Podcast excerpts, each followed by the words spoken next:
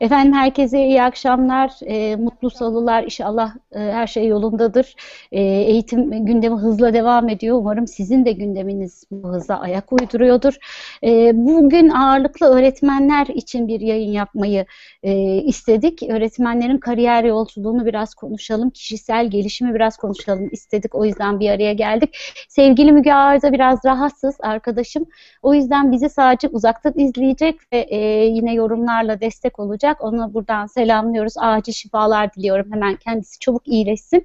Hafta sonu Ankara'ya gidiyoruz. Ankara'da TED'in yaptığı güzel bir organizasyonu izleyeceğiz. O yüzden hemen toparlanmasını diliyorum. Şimdi konuklarımı tanıtacağım. Hemen tanıtmadan önce teknik masaya dönüyorum. Kerim e, hem yayınımıza hoş geldin hem bizi iyi ki davet ettin. ETZ ekibinden Eğitim Teknolojileri Zirvesi'nin e, 2017 ayağını çalışıyorlar onlar da. Hoş geldin, hoş geldik. Ee, Hoş bulduk hocam. Merhabalar. Merhaba. Her zaman için destekçiniziz. Sağ ol. Çok teşekkür ediyoruz. Bütün ekibi de selamlıyoruz. Ve Yasemin Sungur. Yasemin Sungur için çok şey söyleyebiliriz. Hani çok e, örnekler ekleyebilirim ama asıl söylemek istediğim e, şeyi ben e, sosyal medyada da paylaştım. O bir hayalperest. E, o bir e, düşünür. Düşünürken e, masal e, yaratır, masallar yaratır, masallara dahil olur. O mavidir, martıdır, çok şeydir. Sevgili dostum, arkadaşım Yasemin hoş geldin yayınımıza. Merhaba. Sonunda bu şekilde de buluşmak harika. Daha önce güzel sohbetlerimizde, iş ortaklıklarımızda buluşuyorduk. Sonra ekranlarda senin konuğun oluyordum. Şimdi de bu kablolu yayınlar, bu başka bir ekran. Şimdi herkes elinde. Her neyle, her neredeyse onlar, biz onlarlayız galiba şu anda. İlginç bir duygu bu. E, e, biz de evimizdeyiz. Biz de kendi mekanlarımızın sıcaklığındayız. Bak işte arkada kızımın resmi var. E, evim evet. var. Ben, bu, bu da çok özel bir şey hakikaten. Ama izleyenlerimiz de kendi mekanlarındalar. Biliyorum her salı internet üzerinden bu yayınları heyecanla bekleyen önemli bir kitle var. Onları buradan selamlıyorum ve hatırlatıyorum. Diyorum ki Süper kendi kendimize konuşmuyoruz. EGT yayın etiketiyle Twitter üzerinden görüşlerini alıyoruz ve paylaşıyoruz. Şimdi başlayalım yavaş yavaş sevgili Yasemin. Ee, senle bu yayını planlarken demiştik ki e, tutkuyu konuşalım. Çünkü e, ne diyoruz? Gü, günümüzde artık öğren öğretme yöntemi değişti. Hani bu artık bizim e, camianın pelesenki haline geldi. Öğretmek demek olan şey aslında bilgi aktarmak değil, tutku aktarmak, tutkuyu geçirmek, o heyecanı geçirmek. Öğretmenlerin birinci rolü bu haline geldi. E peki bu bir yetenek mi? Yani Kesinlikle. herkes herkes bu konuda yeterince başarılı olabilir mi? Ya da bunun bir formülü var mı? Nasıl bir öğretmen nasıl tutkuyu sınıfına e, geçirecek? Tutkusunu nasıl hissettirecek? Neler söylersin? Ya o kadar güzel bir kelime ki tutku böyle e, kelimeyi kullanırken bile beni heyecanlandırıyor. Umarım dinleyenleri de heyecanlandırır. Tutku aslında insanların inandığı konuda e, hiçbir yargıya düşmeden, kendini ve süreci yargılamadan o işin parçası olmak, sürekli onu yapma hali. Ve evet. ira, iradesinin de üstünde bir duygu tutku.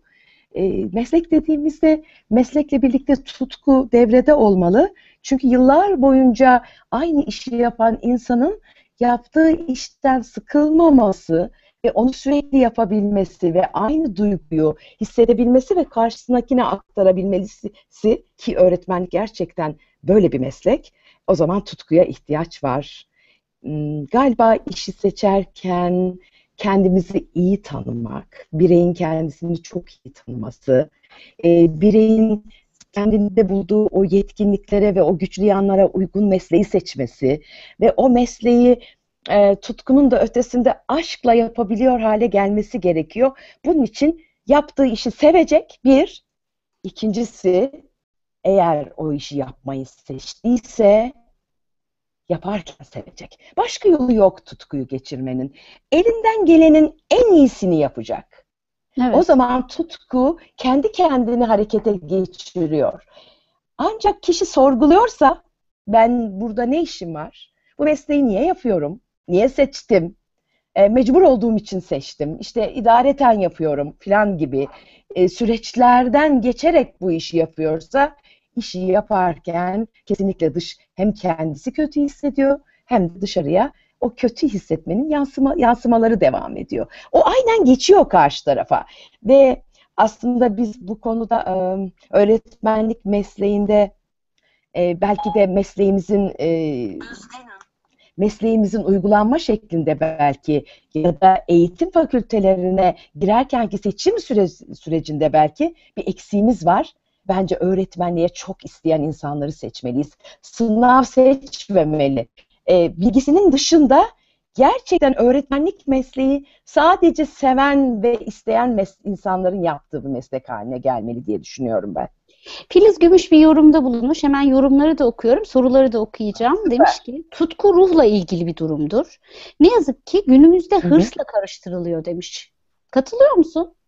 Ee, e, bence hırsla tutkuyu birbirine asla karıştırmamak gerekir. Ama günümüzde Hırsda, işte en çok galiba bundan bahsediliyor. Bence de yani karıştırıyor insanlar biraz aslında çok ayrı şeyler olmasına rağmen. Kesinlikle.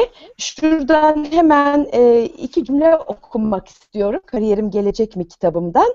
Ben orada kitabımda meslekte başarmanın sırrı inanmak, tutku ve azimdir diyorum sayfa 58'de.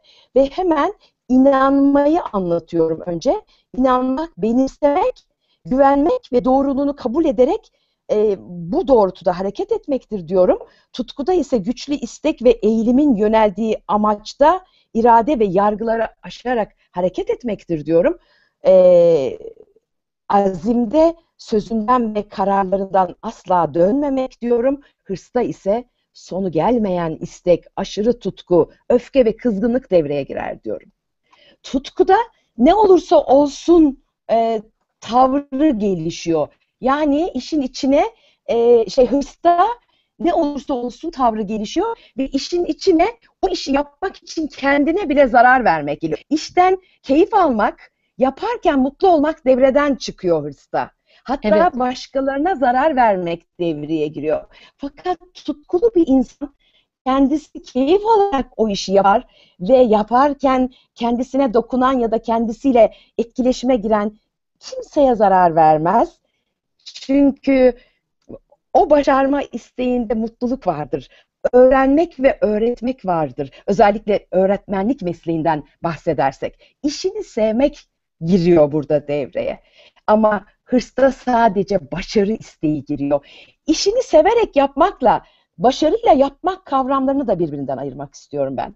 Başarı çok başarı odaklı insanların bazen kendilerine ve çevrelerine zarar verdiklerini görürüz çok başarı odaklı olmak e, insanı çok sonuç odaklı yapıp süreçten zevk almasını engelleyebiliyor. Oysa tutkuda işin her nefesinde, her adımında, her diliminde önce kendisi için, kendisi keyif alarak çalışır kişi ve sonra da birlikte çalıştığı kişilere onu yansıtır.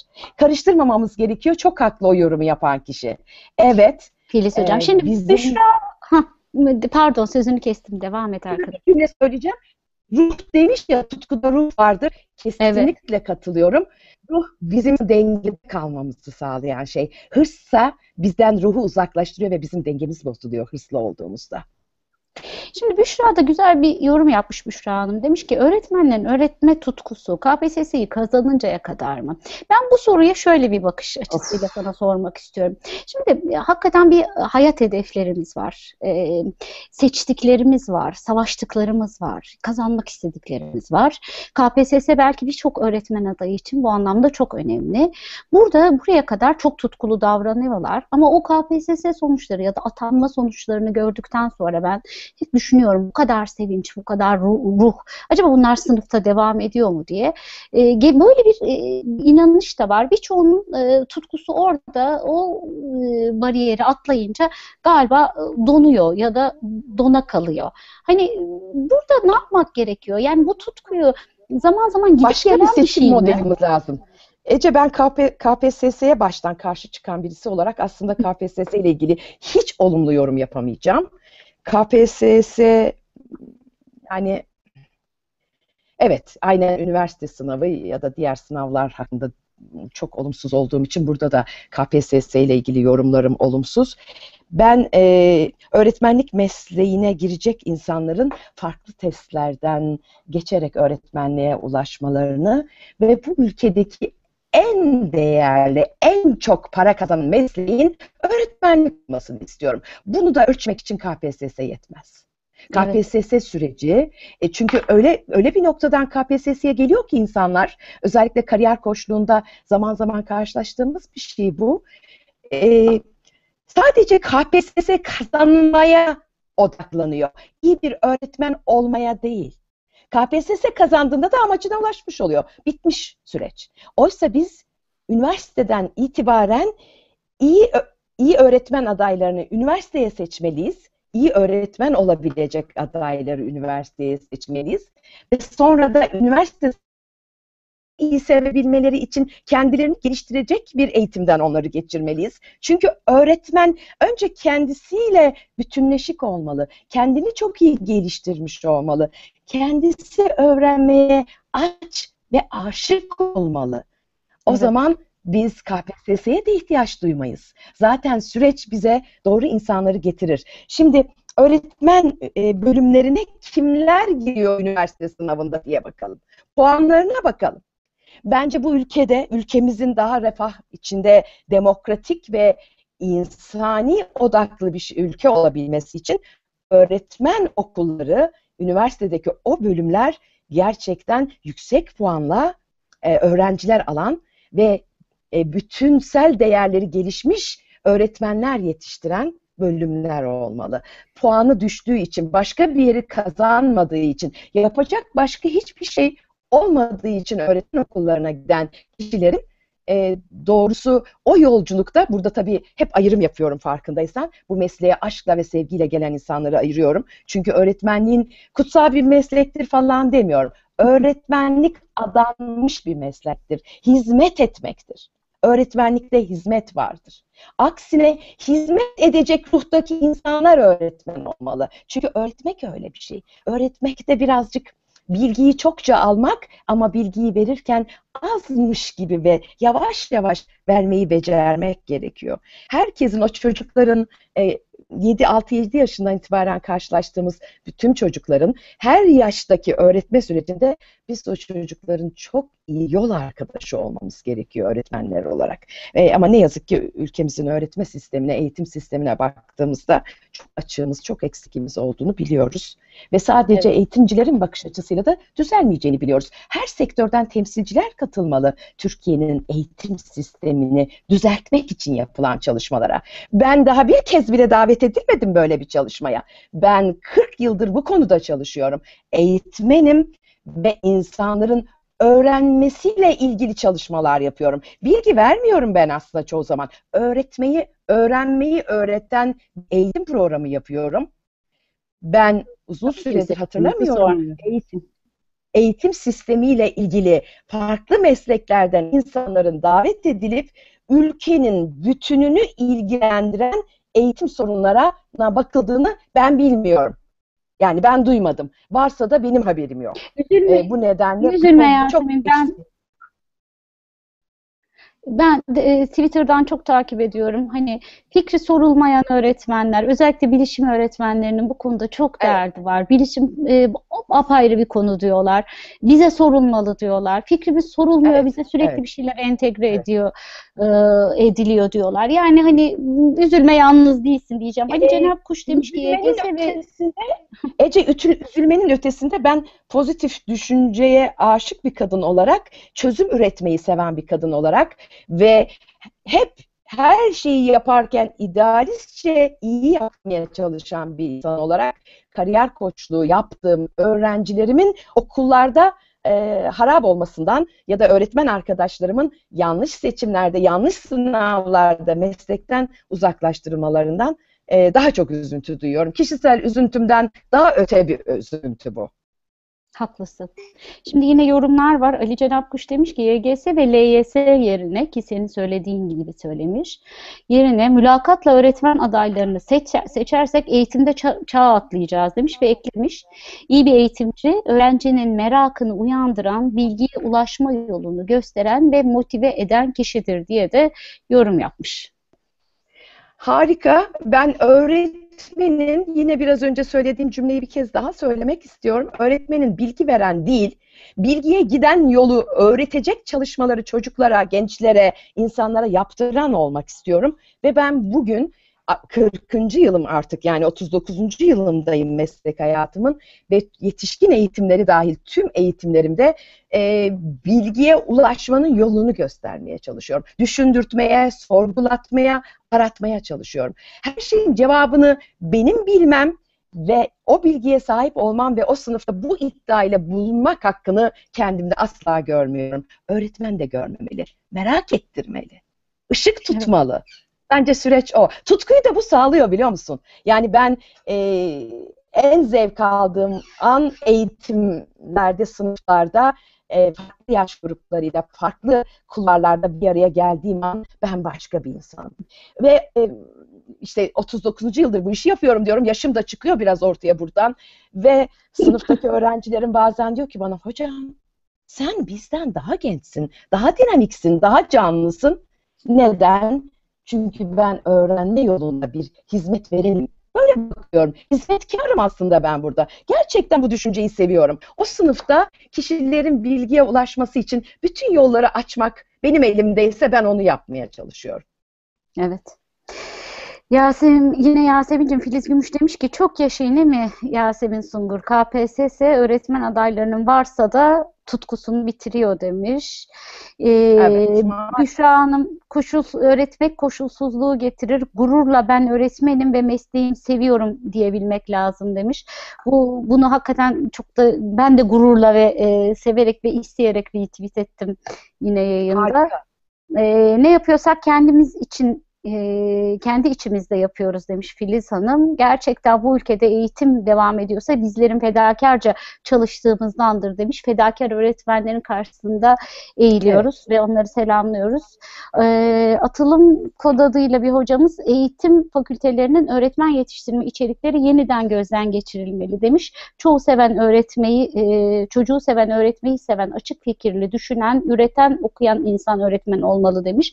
Eğitim fakültelerinin e, yeniden yapılandırılması e, önemli konulardan bir tanesi e, bence. E, Ziya Selçuk Hocam bir demecinde demişti ki eğitim fakülteleri bugün ne yapıyorsa ki o bize e, eğitim ve eğitim için yaptığı bir konuşmasında bugün ne yapıyorsa hiçbiri yapılmamalı demişti. Çok vurucuydu. E, bence eğitim fakülteleri de olduğu gibi yeniden ele alınmalı. Sevgili Ece sözünü kesiyorum. Yok, bir şehirde e, Milli Eğitim Bakanlığı'yla ve Gençlik ve Spor Bakanlığı'yla ortak bir proje yapmıştım. Şehrin adını da söylemeyeceğim çünkü yanlış olur. E, çok da güzel bir projeydi. Öğren Öğrenmeyi öğrenmekti projenin adı. Ve e, 100 tane yeni atanmış ve o şehre Türkiye'nin her yerinden gelmiş KPSS kazanarak gelmiş, e, kazanarak gelmiş ve istemedikleri bir şehre atanmış 100 kadar öğretmenin karşısında motivasyon konuşması yapmak zorunda kalmış. ve e, konuşmama başladığımda kaç kişi öğretmenlik mesleğini ilkokuldan beri hayal ediyor dediğimde sadece bir el kalkmıştı. Bence meslek tutkusu daha ilkokulda düşmeli yüreğe ve oradan itibaren takip etmeli. Ve sonrasında bunu aşama aşama götürdüğümde işte 10 kadar eli havada gördüm. Ben bu mesleği isteyerek yapıyorum diyen 100 kişi de 10 kişiydi. Ve benim böyle bir gruba motivasyon konuşması yapmam istenmişti. İstemedikleri bir meslekte istemedik. istemedikleri şehirde öğretmenlik yapacaklar. Ben onlar için üzülmedim onların gireceklerdeki sınıftaki sınıflardaki her öğrenci için üzülmüştüm. Hiç unutmuyorum bu anımı. Bu yüzden öğretmenlikle ilgili gerçekten ülkemizin devrime ihtiyacı var. Devrim tek yapılması gereken eğitim sisteminde bir devrim. Her şeyi ters yüz etmemiz gerekiyorsa edelim.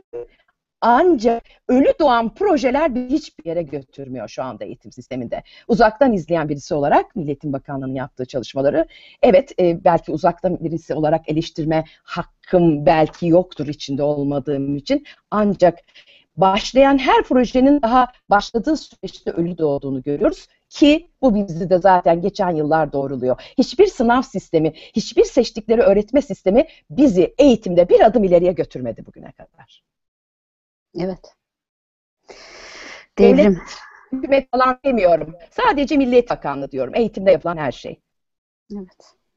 Peki e, dünyaya da çok e, yakınsın biliyorum. Dünyayı da takip Evet, ediyorsun. Evet, E, evet. sadece kitapları aralamıyorsun. Bol bol geziyorsun ve görmeye de Evet, önem Evet, veriyorsun. evet, E, evet. dü- dünyanın öğrenmeyle mesafesini, Türkiye'deki e, insanların öğrenmeyle mesafesini kıyaslasan, hani senin gözlüğünden ne tür farklar var? Biz nerelerdeyiz sence dünyadaki bu listede?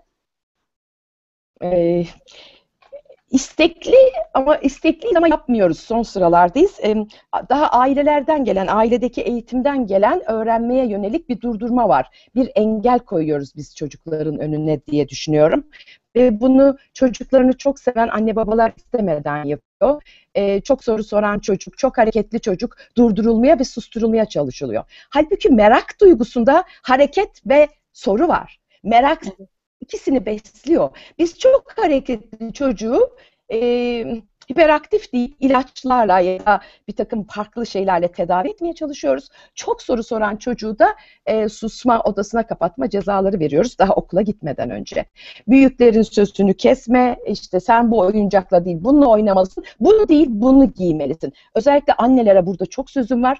Özellikle giysi ve yiyecek seçiminde çocukların öğrenme duyusunu durduruyorlar. Çocuklar, ben mesela bir tane e, bir anneyle çalışıyordum annenin iki çocuğu vardı. Birisi 9-10 yaşlarında, birisi de 3-4 yaşlarında. O gün bana geldiklerinde anne biraz kızgındı. Neden diye sordum. İşte o 3-4 yaşındaki kızının seç, annenin seçtiği kıyafeti giymediğini, e, kendi seçtiği kıyafeti giymek istediğini söyledi. Ben de ne kadar güzel dedim. Kızınız kendi kıyafetini kendi mi seçti? Evet dedi ama renkleri uymuyordu dedi. Peki ne renkler seçmişti dedi. Anne takım giydirmek istiyordu. Kız da gökkuşağı renklerinde giymek istiyordu. Mavi pembeyi birlikte giymek istiyordu. Düşünebiliyor musun? Bir anne çocuğuna takım giydirmek için onun renklerle olan dansına, oyununa engel oluyor. Bence en büyük sorun burada. O yüzden biz burada biraz gerideyiz. Çok fazla dışarıdan onay alma odaklı bir eğitim sistemimiz var ailelerde. Anne çocuğunu temiz ve takım giydirmek ve oradan teşekkür almak istiyor.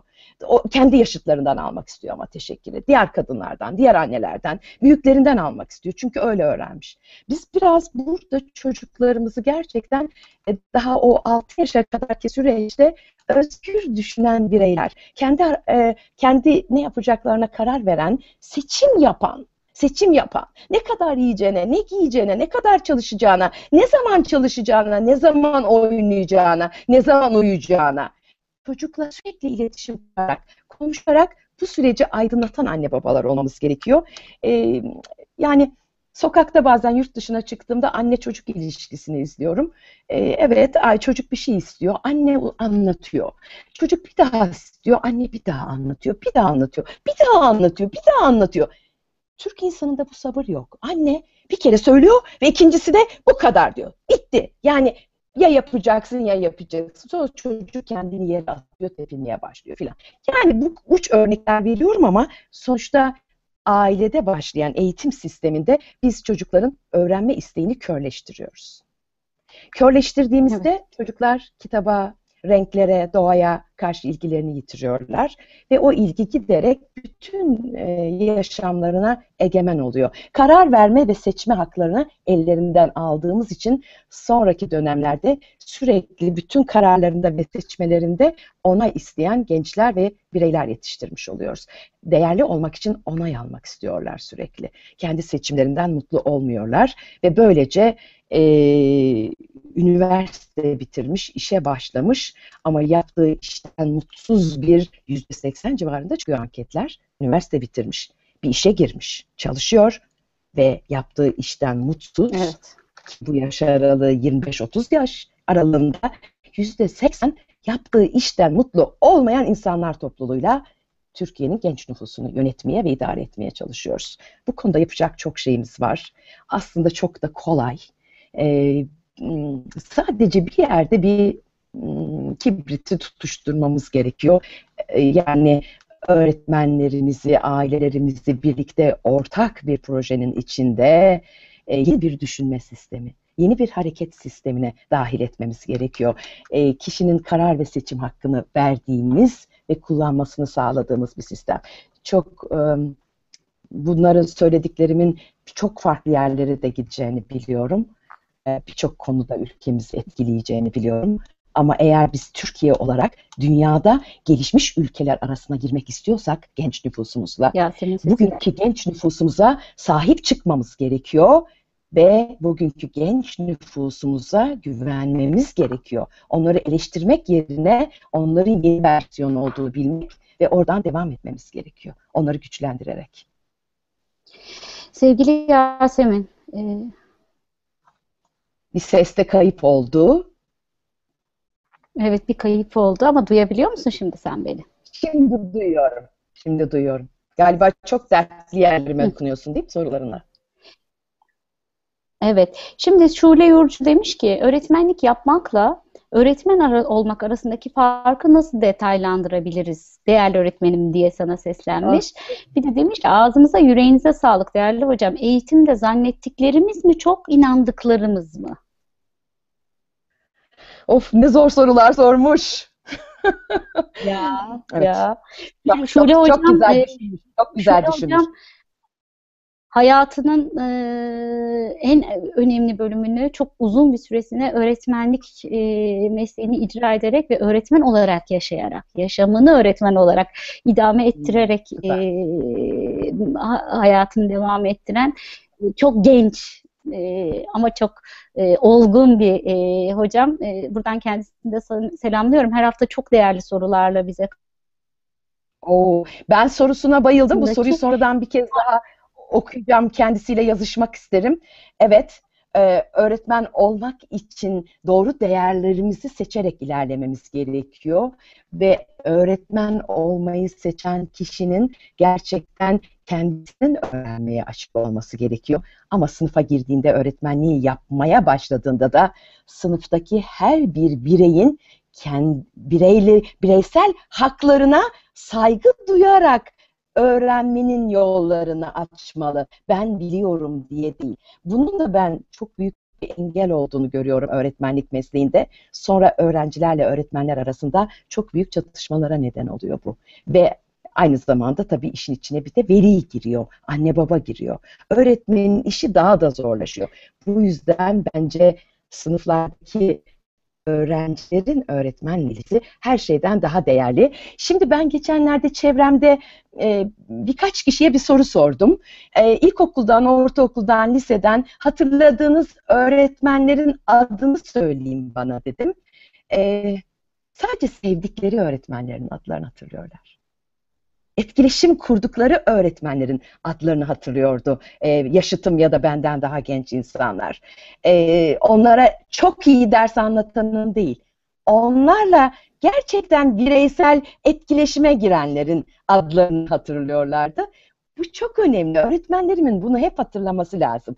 Biz insanlar göz göze, yürek yüreğe iletişime geçersek öğrenme kanallarımız açılıyor. Baskıyla ve zorlamaya öğrenme yolculuğumuz nerede başlıyorsa orada kapanıyor. Bu bir yol öğrenmek, bir yolculuk. O yolculuk daha başında öğretmen baskısıyla, okul baskısıyla kapanıyor ve biz devam edemiyoruz o zaman öğrenmek isteğine. Her yaşta bu böyle. Ben de bugün bir eğitmene, eğitime gittiğimde hala eğitime devam ediyorum, öğrenmeye devam ediyorum. Kendime bir hayat öğrencisi ünvanı seçtim ve o yolda ilerliyorum. Ve sınıfa bir eğitime girdiğimde öğretmenimin benle önce insancıl bir iletişime geçmesini istiyorum. Beni tanımasını, neden orada olduğumu bilmesini istiyorum. Bunu öğret, buna bakmıyor ve sadece kendi bilgisine bakıyorsa bana yararı olmayacağını fark ediyorum. Bencilce bir yoldan öğretilemez. Öğrenmek iki kişilik bir ilişki ve birlikte yüründüğünde ancak olabiliyor. Bilmiyorum öğretmenimin istediği cevabı ya da beklediği cevabı verebildim mi sorusu için çok teşekkür ediyorum. Ee, inandıklarımız bizi doğru yolda götürecek diyorum. Zannettiklerimiz değil. İnandıklarımız. İnandıklarımızla devam edeceğiz. sizi bu vesileyle tanıştırmış olmaktan dolayı da ben çok mutluyum. Lara Özer demiş ki e, öğretmenlik mesleği ancak tutkuyla yapılabilir. Maalesef bazı gözlemlediğim stajyerlerde o ışığı göremiyorum. Eğitim fakülteleri içerik olarak yenilenmeli demiş. Yine Filiz Evet. Hanım demiş ki üretken ekonomiye klasik düşünen öğrencilerin bir katkısı olmaz. Düşünmeyi acilen öğretmeliyiz demiş. Biz de eğitim ve eğitim.com'dan e, paylaştığımız haberlerde bugün yine haberlerimizin arasında e, özellikle eğer e, Türkiye'de felsefeyi öğretirsek, felsefe eğitimini öğretirsek Türkiye'nin ne kadar öne geçeceğini anlatan bir yazımız vardı. Mutlaka okunmasını istiyorum. E, atılım Maltepe Üniversitesi'nden bir e, şey galiba. Evet evet Öyle bir şey evet evet profesörümüz evet müthiş bir yazı. Ee, yine Sevgili bir tam bir şey söylemek istiyorum. söyle Aslında arkadaşım. e, ilkokullarda, ortaokullarda bir laboratuvar kurulmasını istiyorum ve o laboratuvarın adının düşünme laboratuvarları olmasını istiyorum. Bizim fen ve fizik laboratuvarlarına o yaşta ihtiyacımız yok. Bizim ilkokul döneminde düşünme laboratuvarlarına ihtiyacımız var. Biz orada farklı düşünmeyi, farklı bakış açılarını, e, farklı düşünceleri anlamayı sorgulayacağımız düşünme laboratuvarlarımız olmalı. Orada düşünme deneyleri yapmalıyız. Ondan sonra zaten biz bu, böyle bir gençlikle e, ilerlersek ondan sonraki fen, fizik, bilim laboratuvarlarımız dolup taşacaktır. Ama önce iyi düşünmeyi, farklı düşünmeye saygı duymayı ve düşünmeyi anlamayı geliştireceğimiz o düşünme deneyleri yaptığımız laboratuvarlara ihtiyacımız var. Yasemin e, biraz bir iki e, soru önce söylediğim bir şeye tekrar dönmek istiyorum. Dedin ki topyekün bir topyekün bir devrim aslında reform hareketi bekliyoruz eğitimde ama bunu sadece ne öğretmenlerden bekliyoruz ne de sadece eğitim konusunun paydaşlarından. Aslında bu daha geniş e, çerçevelerde tartışılmalı dedin. Şimdi buna biraz ışık tutmak istiyorum. Bizi e, biliyorum ki Milli Eğitim Bakanlığı'ndan da izleyenler var. E, oradan da dinleyenler var. Onun dışında sesimiz ulaşan, ulaştığı herkese aslında fikir yaratmaya çalışıyoruz. Evet. Sence bu eğitim tartışmalarını, hazırda felsefeyi de konuştuk. Nasıl bir platformda yapalım? Yani ne- neler olmalı içinde? Kimler bu işi tartışmalı? Nasıl bir süreci olmalı bunun? Bu reform hareketi dediğimiz şeyi biz nasıl elde ederiz? E, aslında e, işte ben e, iş dünyasında çalışıyorum ve iş dünyasında farklı yaşlardan insanlara eğitim, gelişim yolculuğunda destek veren biriyim diyorum kendime. E, oralarda biz bazen tıkanıyoruz iş dünyasında. İş dünyası ticari bir yer. E, neden e, kuruluyor iş dünyası? Evet topluma, ülkeye faydalı olmak kuruluyor için kuruluyor. Kar etme amaçlı yerler. Yani ayakta kalmak için kar etmeleri gerekiyor. Okulların karı ne diye bakalım biz. Okullar nerede kar etmeli? Yani burada e, manevi olarak kardan bahsediyorum, fiziksel kardan bahsetmiyorum, özel okullardan bahsetmiyorum. Aslında eğitim sisteminin karından bahsetmiyorum. Ve eğer şirketlerde verimlilik düşmüşse ve karlılık düşmüşse e, biz bunlara kriz var diyoruz, sorun var diyoruz ve bunları çözmek için çalışmalar yapıyoruz. Bizim beyin fırtınalarımız var, SWOT analizlerimiz var, arama konferanslarımız var ve buralara isteyen herkesi dahil ediyoruz başında ve sonsuz bilgi çekiyoruz herkesten. Ortak akıl kullanımına davet ediyoruz insanları. Özellikle SWOT analizinin çok yararlı bir şey olduğunu düşünüyorum ben ve biz bunu şirketlerde aynı anda birkaç bin kişiye yapabiliyoruz SWOT analizini. Ve sonra mesele gelen analizi okumaya kalıyor ve arkasından analizden sonra arama konferansı ve beyin fırtınaları yaparak giderek düşüncede netleşiyoruz ve kısa sürede şirketin yaşadığı sorununa çözüm bulan insanlar ve adımlarla yürüyoruz. Şimdi şirket tarafından baktım, kurumsal taraftan baktım. Tamamıyla ticari şirketler tarafından baktım. Bunlar uluslararası şirketler olabilir, ulusal büyük şirketler olabilir. Bugün benim çalıştığım. Ve şimdi milli eğitimde, eğitimde ne yapacağız? Eğitimde de aynı şeyi yapmamız gerekiyor. Bence önce gerçekten bölgesel çalışmalar yaparak her bölgenin hangi durumda olduğunu tespit etmemiz gerekiyor. İstanbul'daki eğitimden bahsederken Kars'taki eğitimle aynı yere koyamayız onu ya da bir Trabzon'daki eğitimle ya da bir Sivas'taki ya da bir Hatay'daki eğitimle. Bu yüzden her bölgeyi kendi içinde değerlendirmemiz lazım. Coğrafi bölgelerimiz var bizim zaten. O bölgelerle hareket etmeliyiz. O bölgelerde SWOT analizleri yapıp arama konferansları yapmalıyız. Ben eminim böyle bir yolculuğa çıktığımızda pek çok iş dünyasından şirketin de böyle bir projede bize destek olacağını ve katılmak isteyen herkese önce davet etmeliyiz. Sonra da e, netleşerek, eleyerek, en çok en acil neyse önceliğimizi belirleyerek orada reform kararlarımızı vererek ve belki de bölgesel bir çalışma yaparak yani bir bölgede pilot bölgede çalışma yaparak e, farklı ülkelerdeki başarı örneklerini bizim coğrafyaya uygulayarak ve deneyler yaparak gitmeliyiz. E, sınıflar, teknoloji, harika tahtalar falan değil çözümümüz bizim. Gerçekten bizim öğretmeni ve öğrenciyi buluşturduğumuz düşüncede daha yeni fikirlere ihtiyacımız var. Ee, daha interaktif süreçlere ihtiyacımız var. Ee, kağıdın, e, kitabın daha farklı kullanıldığı sistemlere ihtiyacımız var. Genç bir nüfustan bahsediyoruz. Gerçekten Türkiye bu anlamda bu gelen e, bugünkü Y kuşağına ve gelen Z kuşağına bu sistemle nasıl hizmet verebilir? Benim e, koçluk yaptığım öğrencilerimin e, çoğu okulda kitap okumayı sevmiyor. Ödev yapmayı sevmiyor. Ödev olduğu için okula gitmek istemiyor. Yani okula gitmeyi istemeyen zeki çocuklarla karşı karşıyayız. Çok zeki çocuklarla. Burada bir tehlike var. Bu nedenle buraya cevap verebilmemiz için özellikle hani bugünkü iş dünyasındaki Y kuşağına e, ve üniversiteye doğru giden Z kuşağına iyi hizmet verebilmek için gerçekten farklı e, kulvarlardan, farklı disiplinlerden insanları bir araya getirerek arama konferansının çok iyi bir çözüm olduğunu düşünüyorum.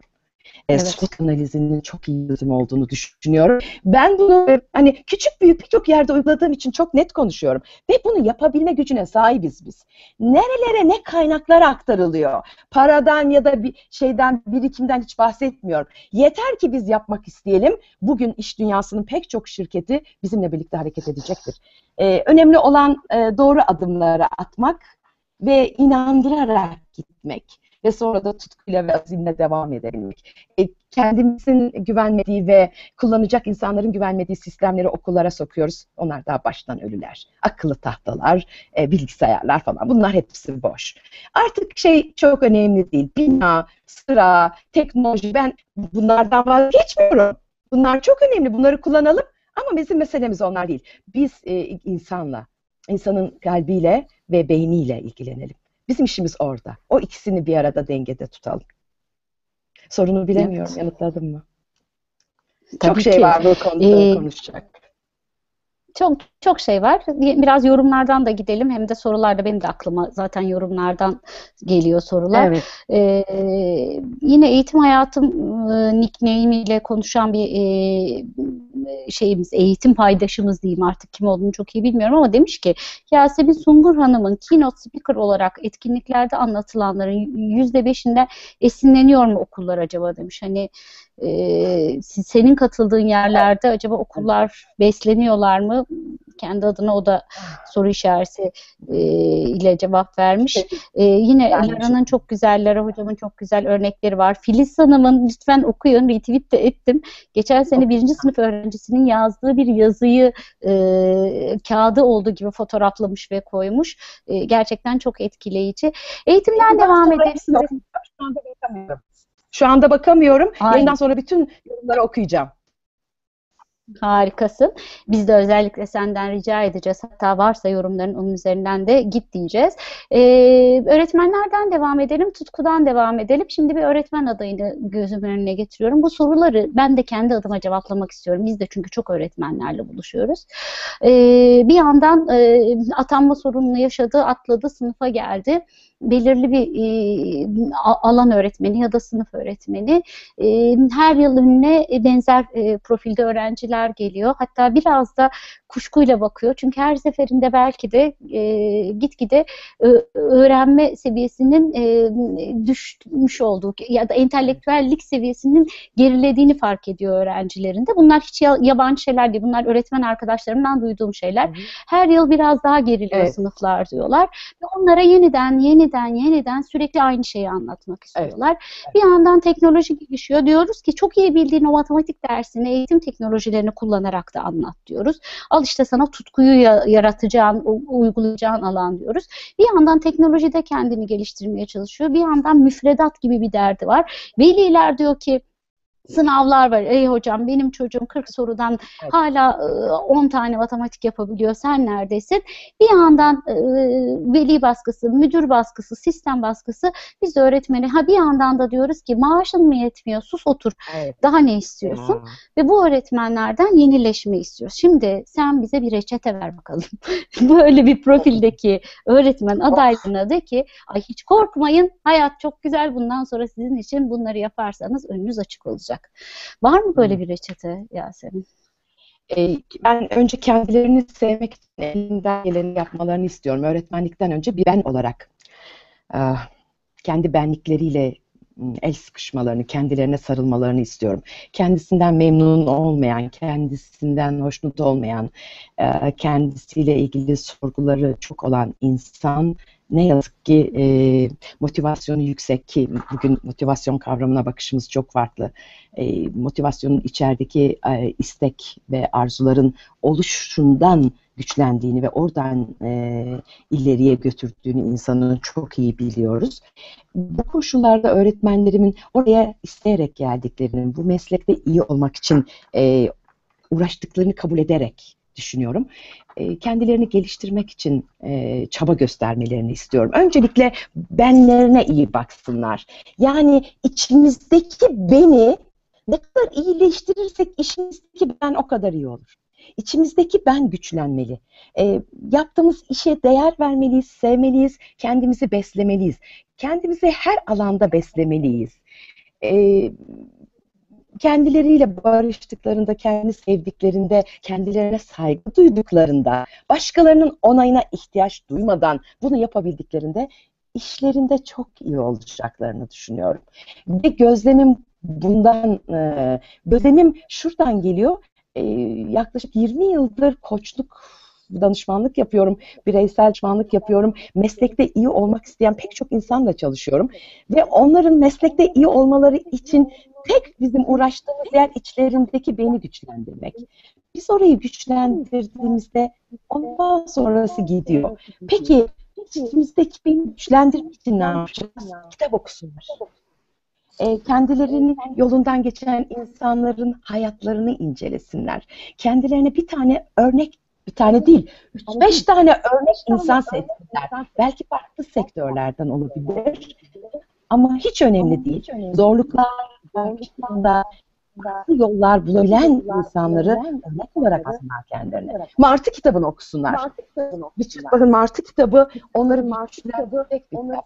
Bugün gene e, kendisini sıkışmış hisseden bir arkadaşıma önerdiğim ders, küçük- şey e, önerdiğim şey kitap Küçük Prens'ti. Hemen bugün Küçük Prens'i tekrar oku dedim.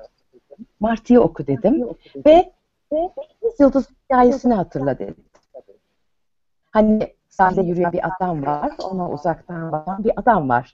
Sahildeki adam yere iniyor, yerden bir şey alıyor, denize fırlatıyor. Ve bunu defalarca yapıyor. Uzaktan izleyen adam yanına geliyor. Ne yapıyorsun diyor. Bunlar diyor da işte deniz geriye çekildiğinde deniz yıldızları burada kalmış. Onlar kurumasınlar, ölsünler diye. Onları denize atıyorum diyor. O da diyor ki nasıl olur burada binlerce var. Nasıl yapacaksın diyor. Bak diyor böyle bir tane alıyor bir tane daha atıyor bir tane alıyor. E, bunun için fark etti. Onun için içeriden beslesinler kendilerini. Kendileri iyi olduğunda çevrelerine çok iyi mesaj verecekler. Ee, onlar iyi öğretmen olsunlar.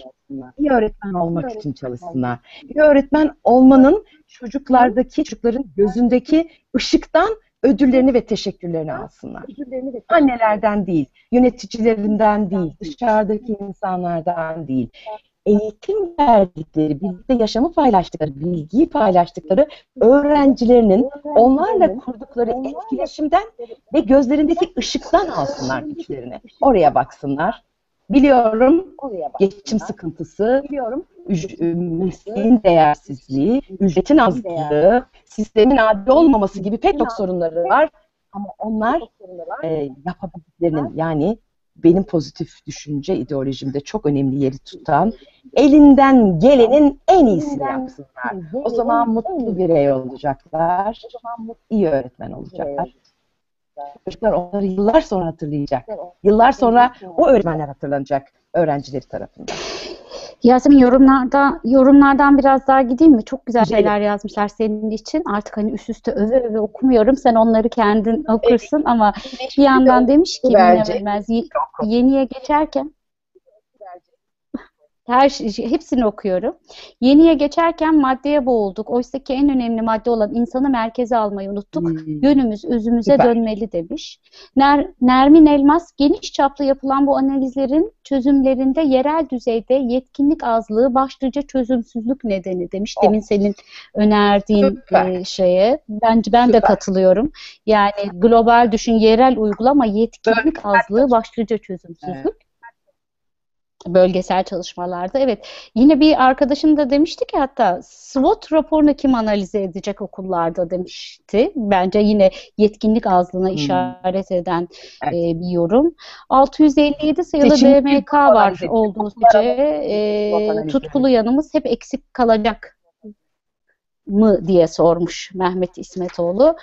Motivasyonu bozan çok unsur var demiş sevgili Filiz Hocam. Farklı olmak isteyen mutlaka bu olumsuzlukları göz ardı ediyor. Bu kişiler her daim bir adım önde demiş. Ee, minicik bir not. Ee, aslında motivasyonu bozan hayatta çok şey var. Hani bugün Evet. e, aldığımız ölüm haberlerinden, çocukların yaşadığı o korkunç hikayelerden baktığımız zaman hayatın başlı başına bir test olduğu, performans testi olduğu çok açık ortada. Hani öğretmenlere özel bir nedeni yok motivasyonsuzluğun ama öğretmenler çok etkileniyorlar haklı olarak bundan. Ama bir katılıyorum ben. Öğretmenlerden çocuklarımız da etkileniyor. Bir de öğretmenlerin olumsuz etkilenmesinin önemli bir e, bize bir dönüşü var. Okullardaki Evet. çocuklarımız olumsuz etkilendiği için toplumdaki etkileşim bir anda çok büyüyor olumsuz etkileşim. Bu an bu, bu nedenle öğretmenlerimizin yerini gerçekten burada ayırmamız gerekiyor. Bu e, yani bir toplumsal bir şekilde yapmamız gerekiyor. Şimdi Ali Cenab Kuş çok güzel bir şey yazmış. Ben de zaten tam da bunu sormak istiyordum. Buradan gitmek istiyordum. Hemen yönümüzü buna çevirelim. Demiş ki eğitimciler hayatlarında mutlaka mentorlar edinmeli. Kişisel Süper. gelişimleri için çok faydalı Hı. olacaktır demiş.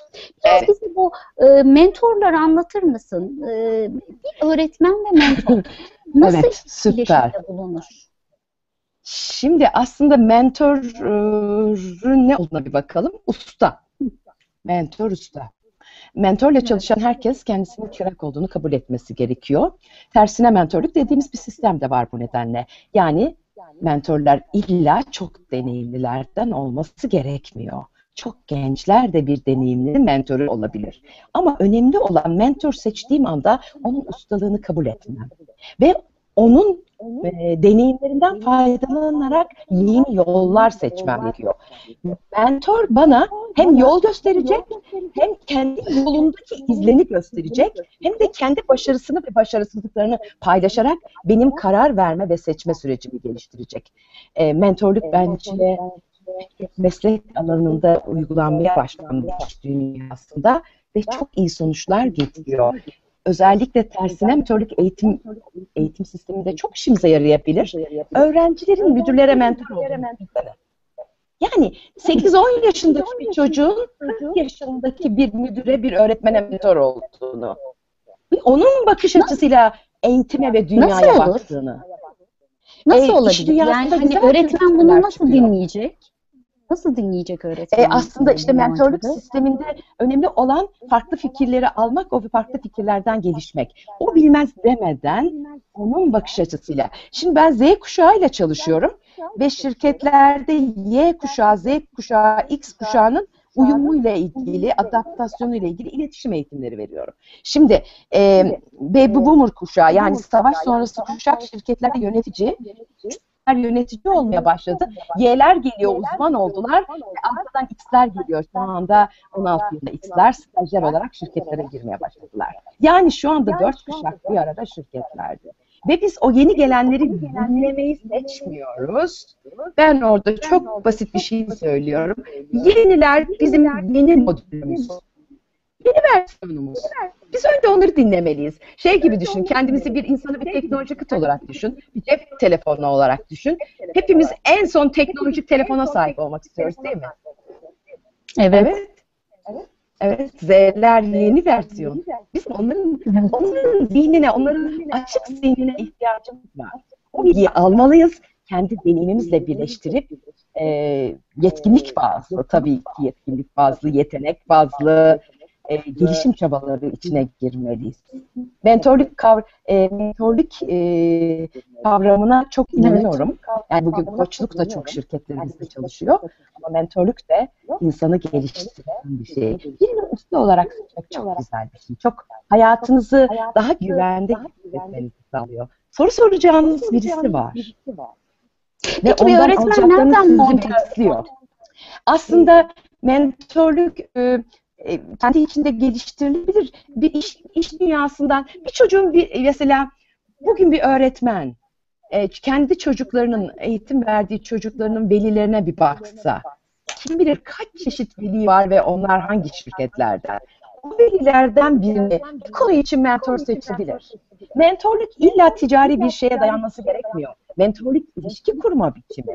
Sana ihtiyacım var şu konular için dememiz gerekiyor mentorlukta.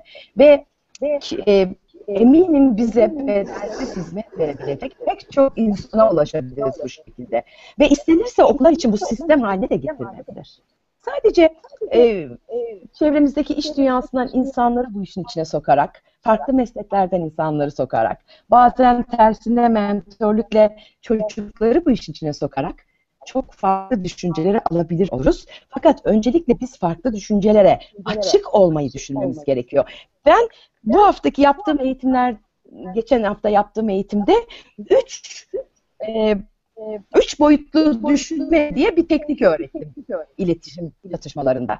Üç boyutlu düşünme. Biz üç boyutlu düşünmeye geçmemiz gerekiyor her şeyden önce. Benim fikrim, senin fikrin, onun fikri. Sonra üçünün birleştiği ve bizi yeni bir fikre götürdüğü yer.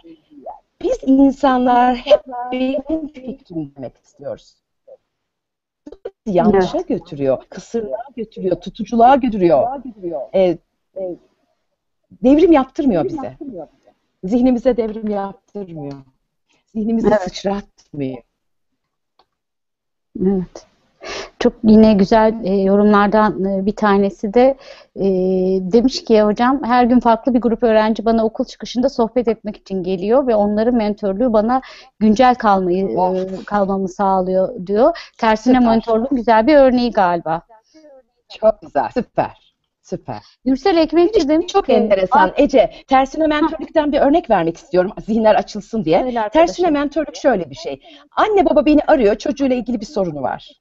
Diyor ki çocuğumla şu sorunu aşamıyorum. Ben sorunun cevabını nerede buluyorum biliyor musun? Çocukta. Çocuğa soruyorum ben. Anne babanın yapmadığı şeyi ben yapıyorum. Çocuğu alıyorum. Diyorum ki sence biz bu sorunu nasıl aşabiliriz? O da diyor ki bana sorun yok ki hocam. Bak şu var diyor. Anlatıyor. Şöyle yapabiliriz, böyle yapabiliriz. Sonra biz üçümüz bir araya geliyoruz. Anne, baba, çocuk, ben. Sonra kararlar alıyoruz. Aslında çocuk sürecin parçası yaptık. Onun fikrini dinledik ve birlikte yol alıyoruz. Tersine mentörlüğe çok güzel bir örnek bu. Çünkü e, çocukla ilgili bir konuda çocuğun fikrini almadan ilerlememeliyiz. Ya da konu kiminle ilgiliyse biz onun fikirlerini almadan ilerlememeliyiz. Mentörlüğe çok güzel bir örnek bu. Gürsel Ekmekçi demiş ki artık öğrencilerin yerine neredeyse veliler sınava hazırlanıyor. Ee, öğretmenler Evet, sadece of. sınav başarısını önemsediği için böyle bir ortamda e, oldukları için de yani sınav değişmediği sürece öğretmen de değişemiyor demiş.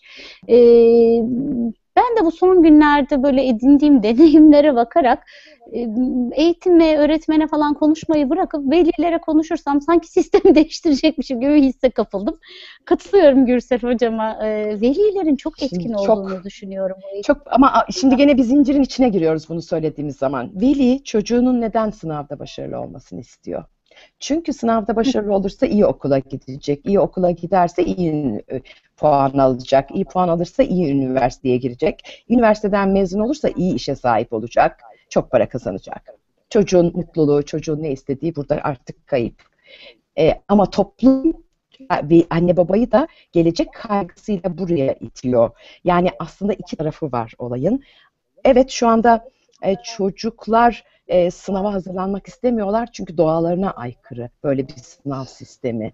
Yani tüm bilgilerinin, tüm bilgilerinin ve hayatla ilgili alacakları kararların bir sınavla okunuyor olması ve bunu sadece 3-4 saatlik sınavda yapılıyor olması endişe şeyini çok yükseltiyor çocukların ve ailelerin.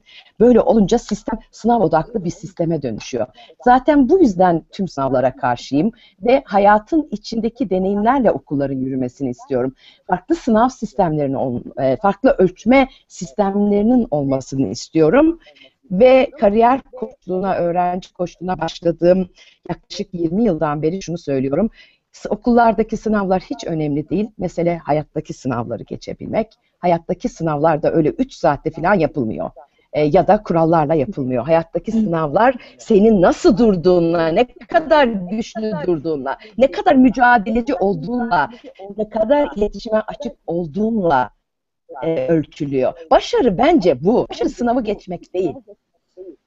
Başarı ne istediğini biliyor olmak, istediğin şey için de tutkuyla çalışmak. Eğer biz öğrencilerimize tutkuyu ilkokuldan itibaren verebilirsek, öğrenme tutkusunu, bir şey olma tutkusunu, bir şey olma, hayatta bir şey olma, hayatta bir şeye yarama, bir şeyin en iyisi olma tutkusunu verirsek sınavlar çocuklara vız gelecek.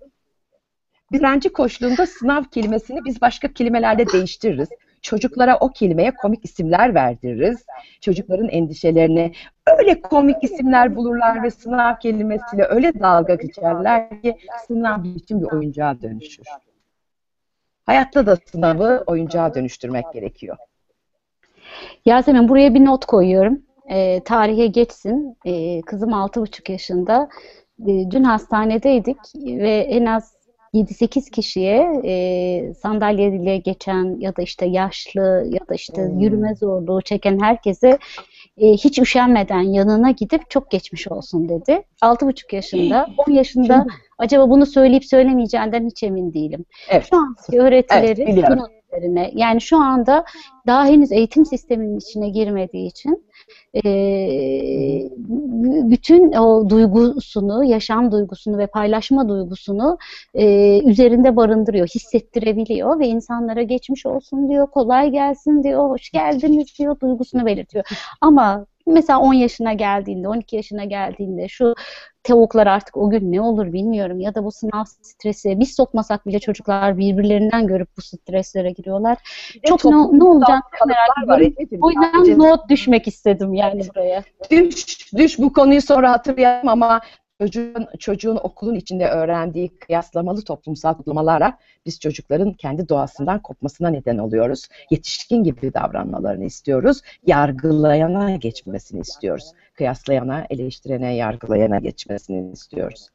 Oysa e, merak etmek, soru sormak ve iletişim kurmak hayatın özü. Hayatın özü iletişim. Evet. Birbirimizle etkileşimde olmak birbirimizi anlamak hayatın özü. Hayat o zaman güzel, insan o zaman başarılı. Kendisini anladığında ve başkalarını anladığında. Başarının tanımını soruyorlar bazen bana. Başarı merdiven çıkmak olabilir. Başarı ağaca tırmanmak olabilir. Başarı şirkette ünvan olmak değil, çok para kazanmak değil. Başarı bir şeyleri isteyerek yapmak ve o yolda ilerlemek ve bunu yaparken de kendini mutlu etmek, çevreni mutlu etmek. Bence başarının tanımı bu. Evet. Çok teşekkür ediyorum Yasemin. Zamanımız da daraldı. Yine e, inanamayacaksın evet, ama bir 60 dakikayı devirdik. Harika. Seninle.